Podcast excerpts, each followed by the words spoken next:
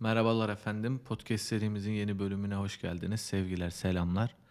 Bu bölümde yine e, Türk futboluna dair e, izlenimlerimizi, e, öngörülerimizi paylaşmaya devam edeceğiz. Ancak top, toparlama adına şöyle bir şeyi söylemek istiyorum. E, 13 bölüm yayınladık. E, her bölümde farklı bir konuya, yani birbiriyle ilişkili ama farklı bir noktadan baktığımız meseleleri aktarmaya çalıştık. Ee, 11. bölümde Arif Gülen'in, e, Darıca Gençler Birliği Spor Başkanı Arif, Arif Gülen'in Türkiye Futbol Federasyonu e, toplantısında yapmış olduğu konuşmayı değerlendirmiştik. Geçtiğimiz bölümde de yine buna paralel olarak Sergen Yalçın'ın söylediklerini değerlendirmiştik. Bu bölümde yine e, aynı noktadan aynı meseleleri değerlendirmeye devam edeceğiz. Genç futbolcular, genç futbolcuların sorunlarına dair izlenimlerimizi, fikirlerimizi aktarmaya çalışacağız. Evet Can abi.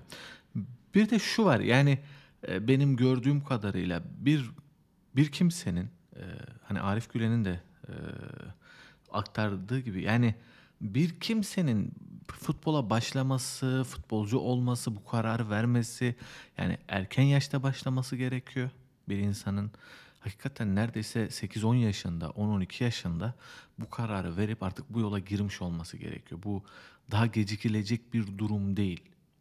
E şimdi bu yaşta bir kimsenin veya ailesinin bu kararı verip bunun peşinden iradeli bir şekilde devam etmesi güç. Yani eğitim bir taraftan burada bir iş bulabilecek mi bu sektör içerisinde bu bir taraftan sakatlanacak mı ne kadar zaman çalışacak ne yapacak ne edecek gibi bir sürü endişeler var gördüğüm kadarıyla. Arif Gülen de buna temas ediyordu. Senin bu hususta görüşün nedir? Yani e, nasıl seyrediyor bu iş? Evet, merhaba. Yine e, aslında Darıca Gençler Birliği Spor Kulübü'nün başkanının açıklamalarının bir kısmı ile ilgili e, bir konuyu açmak istedim. O da şu. Hep diyor garibanların çocukları futbol oynuyor diyor. Sonra elini genel kurula parmağını uzatıp hiçbiriniz çocuğunuzu göndermezsiniz top oynamaya diyor. Bahsettiği insanların hepsi iş adamı. Müteahhit, zengin adamlar, kulüp başkanları. Kıyamazsınız evladınıza diyor. Düşündüm gerçek söyledi. Sadece onlar da değil.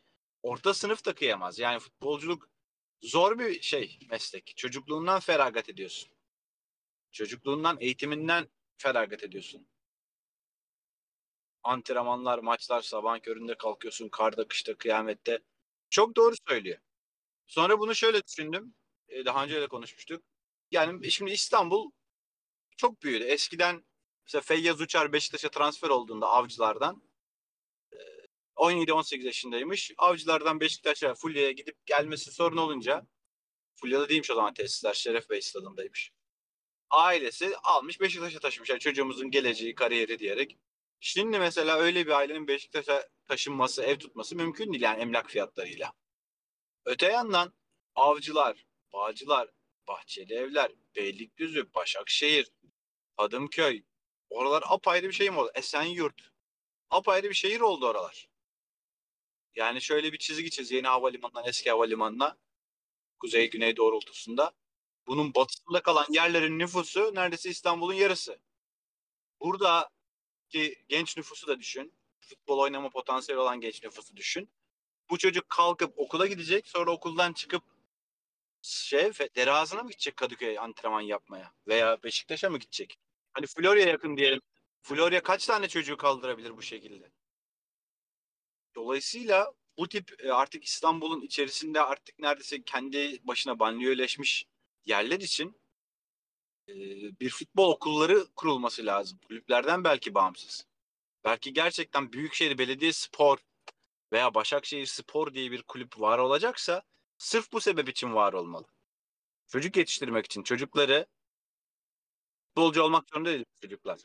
Spor yapan insanlar, spor seven insanlar yetiştirme görevi olmalı. Belediye belki burada belediye spor olarak devreye girebilir diye düşündüm. Yani e, gerçekten de gariban yani herkesin çocuğu futbol oynayabilir. Öyle sabah piyano hocasına götürür gibi kalkıp antrenmana götürebilirsin. Ama mesela Bağdat Caddesi'nde oturan bir zengin ailenin çocuğu ya da orta sınıf ailenin çocuğunu Fenerbahçe futbol okuluna yazdırabilir. Çocuk çok yetenekli de olabilir ama lise yılları geldiğinde artık şey diyecektir artık. Hadi üniversite sınavına hazırlan. deyip çocuğu yavaş yavaş el çektirecektir öyle aileler. Ee, gerçek futbolcu olanlar da gerçekten hani ona ona muhtaç olan, onu yapmak için de her türlü fedakarlık yapacak olan ailelerin çocukları ve bunlar da genelde alt sınıf ailelerin çocukları oluyor. Türkiye'de özellikle. Dünyada bu trend biraz değişiyor gibi. Özellikle şu son Avrupa Şampiyonası'nda fark ettin mi bilmiyorum. 90'larda izlediğimiz futbolcuların çocuklarını izledik. Danimarka'nın kalesinde ben çocukken 90'larda Peter Schmeichel vardı. Döndük baktık gene bir Schmeichel var. Kasper Schmeichel var oğlu. İtalya'nın forvetinde Chiesa vardı. Şimdi yine Chiesa var oğlu. Ee, başka kim? Yani Lukaku. Belçika'nın Lukaku'lu babası Roger Lukaku Kongolu gerçi. 90'larda o hatta Gençler Birliği'nde de oynamış futbolcu. Ee, böyle isimler geliyor. Hazard kardeşler. Onların annesi babası futbolcuymuş. Ee, yine turnuvada olmayan ama Norveç milli takımının iki genç forveti Haaland ve Sörloth yine babaları profesyonel eski futbolcu. Yani Avrupa'da böyle bir trend gelişiyor gibi görüyorum ben. 90'ların futbolcuları ilk ilk doğru dürüst para kazanmaya başlamış süperstar isimli gibi oluşmuş futbolcular çocuklarını futbola teşvik edip profesyonel futbolcu yapmaya başladılar. E, bu da tabii başka bir bakış açısı getiriyor. Yani bir bunların parası var, imkanı var. Ki genleri müsait çünkü babaları da futbolcuydu. Belki dedeleri bile futbolcuydu. Genetik olarak oyuna müsaitler. Üç, babalarının tecrübelerinden faydalanıyorlar. Bir futbolcunun ne yapması ve ne yapmaması gerektiğini bilerek yetişiyorlar. Babaları tarafından belki bu konuda özel e, mentörlük bile alıyorlar. Dünyada böyle bir trend oluştu. Evet çocukluktan oradan herkesi tanıyorlar ve bazıları babalarına geçti. Hani Schmeichel babasını geçemez çok zor ama yani Chiesa kafa kafaya kapışır. Sörloth ve Haaland geçti bile babalarına. Lukaku da geçti babalarına. Hazardlar hakeza babaların annelerini geçtiler. Geçecekler ve bu artacak gibi görünüyor. Türkiye'de ise bu pek hala çok çok çok az düşük seviyelerde. Yani 2-3 tane var bugün Türkiye'de babası futbolcu olup da oynayan. Pek yok yani. 90'ların yıldızları hep geç evlendiler. Ee, bekar kaldılar. Ee, o yıldız hayatı yaşadılar. Çok e, futbolcuların babaları yani profesyonel futbolcu olup da çocuğunu futbolcu falan tanıyorsun. Burak Yılmaz'ın babası Beşiktaş'ta yedek kaleciymiş. Kimse hatırlamıyor oynadığını. Enes Ünal'ın babası Bursa Spor'da oynamış. Kimse hatırlamıyor. Bir Beşiktaşlı Utku var kaleci. Onun babasını hatırlıyorum. Semih Yuvakuran'ı. Fener ve Galatasaray'da oynadı. Utku'nun da o kadar parlak bir kariyeri olacak gibi görünmüyor şimdilik. Ne, ne gelişir belli olmaz. Daha 23 yaşında. Yani aslında bakıldığı zaman futbol sadece futbol yani sporun diğer branşları bir tarafa sadece futbol bile birçok meslek kapısını açan devasa bir ekonomi yani.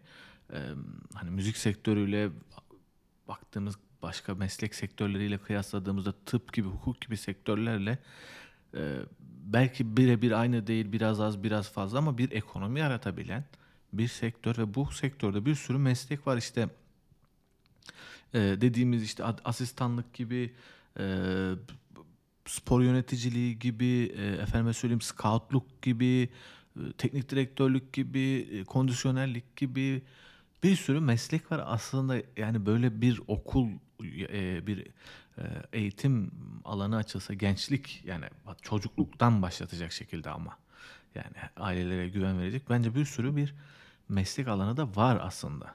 Hakem, hakem, futbol hakemlerimizin çoğu çoğu çok kötü hakemler ve ve fiziksel olarak yetersizliklerinden bazıları kötü hakemler. Bak onu da söyleyeyim. Yetişemiyor pozisyona, geç kalıyor. Fiziksel olarak iyi atlet değiller. Ve göremediği için yanlış karar çalıyor bak çoğu hakem. Onu görüyorum yani. Hakemler eyyamcı bilmem ne bu kavgalara girmenin çok alemi yok. Hakemlerimiz genel olarak iyi değiller. Ee, o iyi olmamalarını günü kurtarma adına ucuz kararlar vererek örtmeye çalışıyorlar. Ama iyi olmamaların arkalarında arkasında sporcu geçmişleri yok çoğunun. Spora müsait değiller. Belki gerçekten bu spor meslek lisesi ya da şimdi üniversite seviyesinde bir spor akademisi var ya. Bunun lise seviyesi ya çok basit. 15 yaşında alacak çocukları. Çok e, çok çok çok e, bir devrim niteliğinde bir adam olur. Çünkü bizde hak, hakikaten o Fransa'daki, İspanya, İngiltere'deki gibi futbol akademileri yok yani çocukları. Çünkü orada İngiltere'de altyapılarda normal lise gibi ders de görüyorlar. Yani onlar o futbol akademisi benzeri kültürü oturtmuşlar. Bizde bu yok. 6. sınıf seviyesinden başlaması lazım. Ve belediye spor işte bunu yapmalı. Belediyespor bunu yapmalı. Erzurum Belediyespor niye Obertan'a maaş versin kardeşim? Yani Obertan ne katıyor futboluna? Ne oluyor yani? Çok belediyeler belediyeler futbolla kar- kar- karışacaksa bu kadar karışmalı. Bunu yapmalı hatta. Eğer illa karışacaksan. Belediyenin bir sürü başka işi var gerçi de.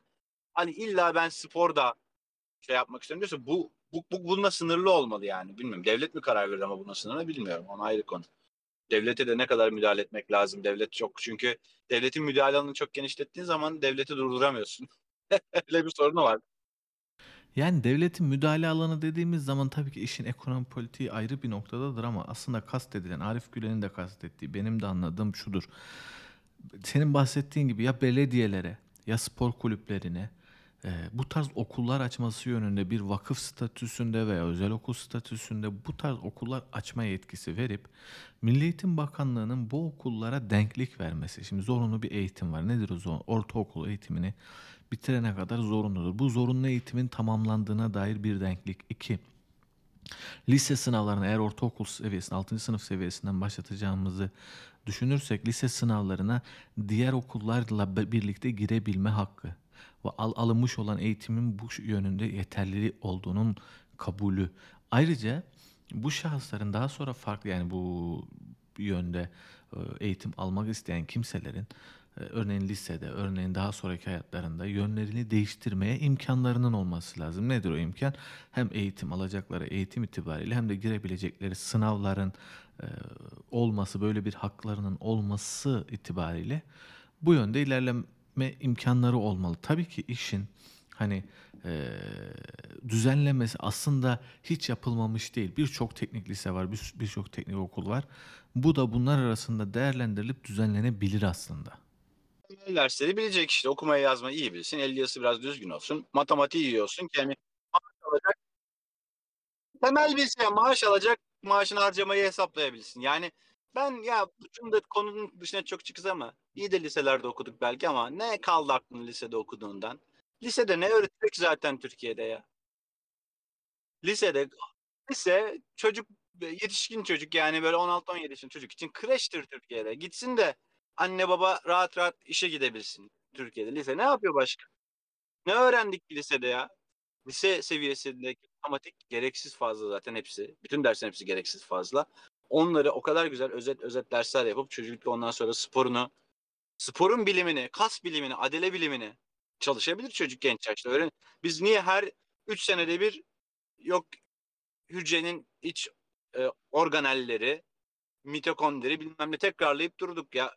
Bunu öğrenebiliyorsa bir çocuk gayet rahat da kendi kaslarını öğrenebilir. Ve kendi kaslarını bilirse ona göre idman yapar, ona göre çalışır. Nasıl sakatlanmayacağını bilir. Sakatlandığı zaman kendini nasıl daha iyi bakarak iyileştireceğini bilir. Ve ortaokul lise seviyesinde bunları öğrenebilir. Bu çok şey değil. Bunun için anatomi tıp bilgisine gerek yok. İşte diyorum ya mitokondri hücre seviyesinde bir öğrense yeter yani. Aslında bunu yapmak çok kolay gibi geliyor ama sanki bir, daha önceki kayıtlarda konuşmuştuk bunu. Ee, bir mevcut siyasi aktörler pek kendilerine bunun faydasının dokunmayacağını düşündüklerinden, belki kendi görev sürelerinde bu işin meyvelerini toplayamayacaklarını düşündüklerinden veya e, belli simsarlar şunlar bunların e, bu işlerden e, döndürdükleri rantın eskisi gibi dönmeyeceğini düşündüklerinden engel olması, bu işe girişmemesi, yapmaması söz konusu gibi geliyor bana. Niye yapılmasın ki yoksa? O var. Tabii ki çünkü futbolcu yetiştirmek şöyle bir şey var. Galatasaray, Beşiktaş, Fener. Ben mesela Galatasaray, Erzurum'a pilot okul açtı da Beşiktaş. Kars'a pilot okul açtı. Oradaki çocukları kaçır. Ama bu sefer ne olacak? O bahsettiğimiz hep anlatıyoruz ya futbolcu simsarı, futbolcu menajeri tipler. Onların ekmeğinden elinden alacak. Çünkü onlar şunu da yapıyorlar. Galatasaray, Beşiktaş altyapısında yetişmiş ama hiçbir zaman o takımın A takım seviyesinde oynayamayacak olan onlarca genci Anadolu takımlarına pazarlıyorlar. Onlar o da bir pazar. Bu da bir kapı olmuş durumda. Bunu, buna elinden alıyorsun. Adamın bu lüksünü ayrıcalığını elinden. Ha, diyeceksin ki ona da adapte olur. Bence sistem düzgün işlerse bu simsarlar ona da adapte olur. O okullardan da çocuk toplamaya başlarlar. Ona da ayrı bir şey demiyorum.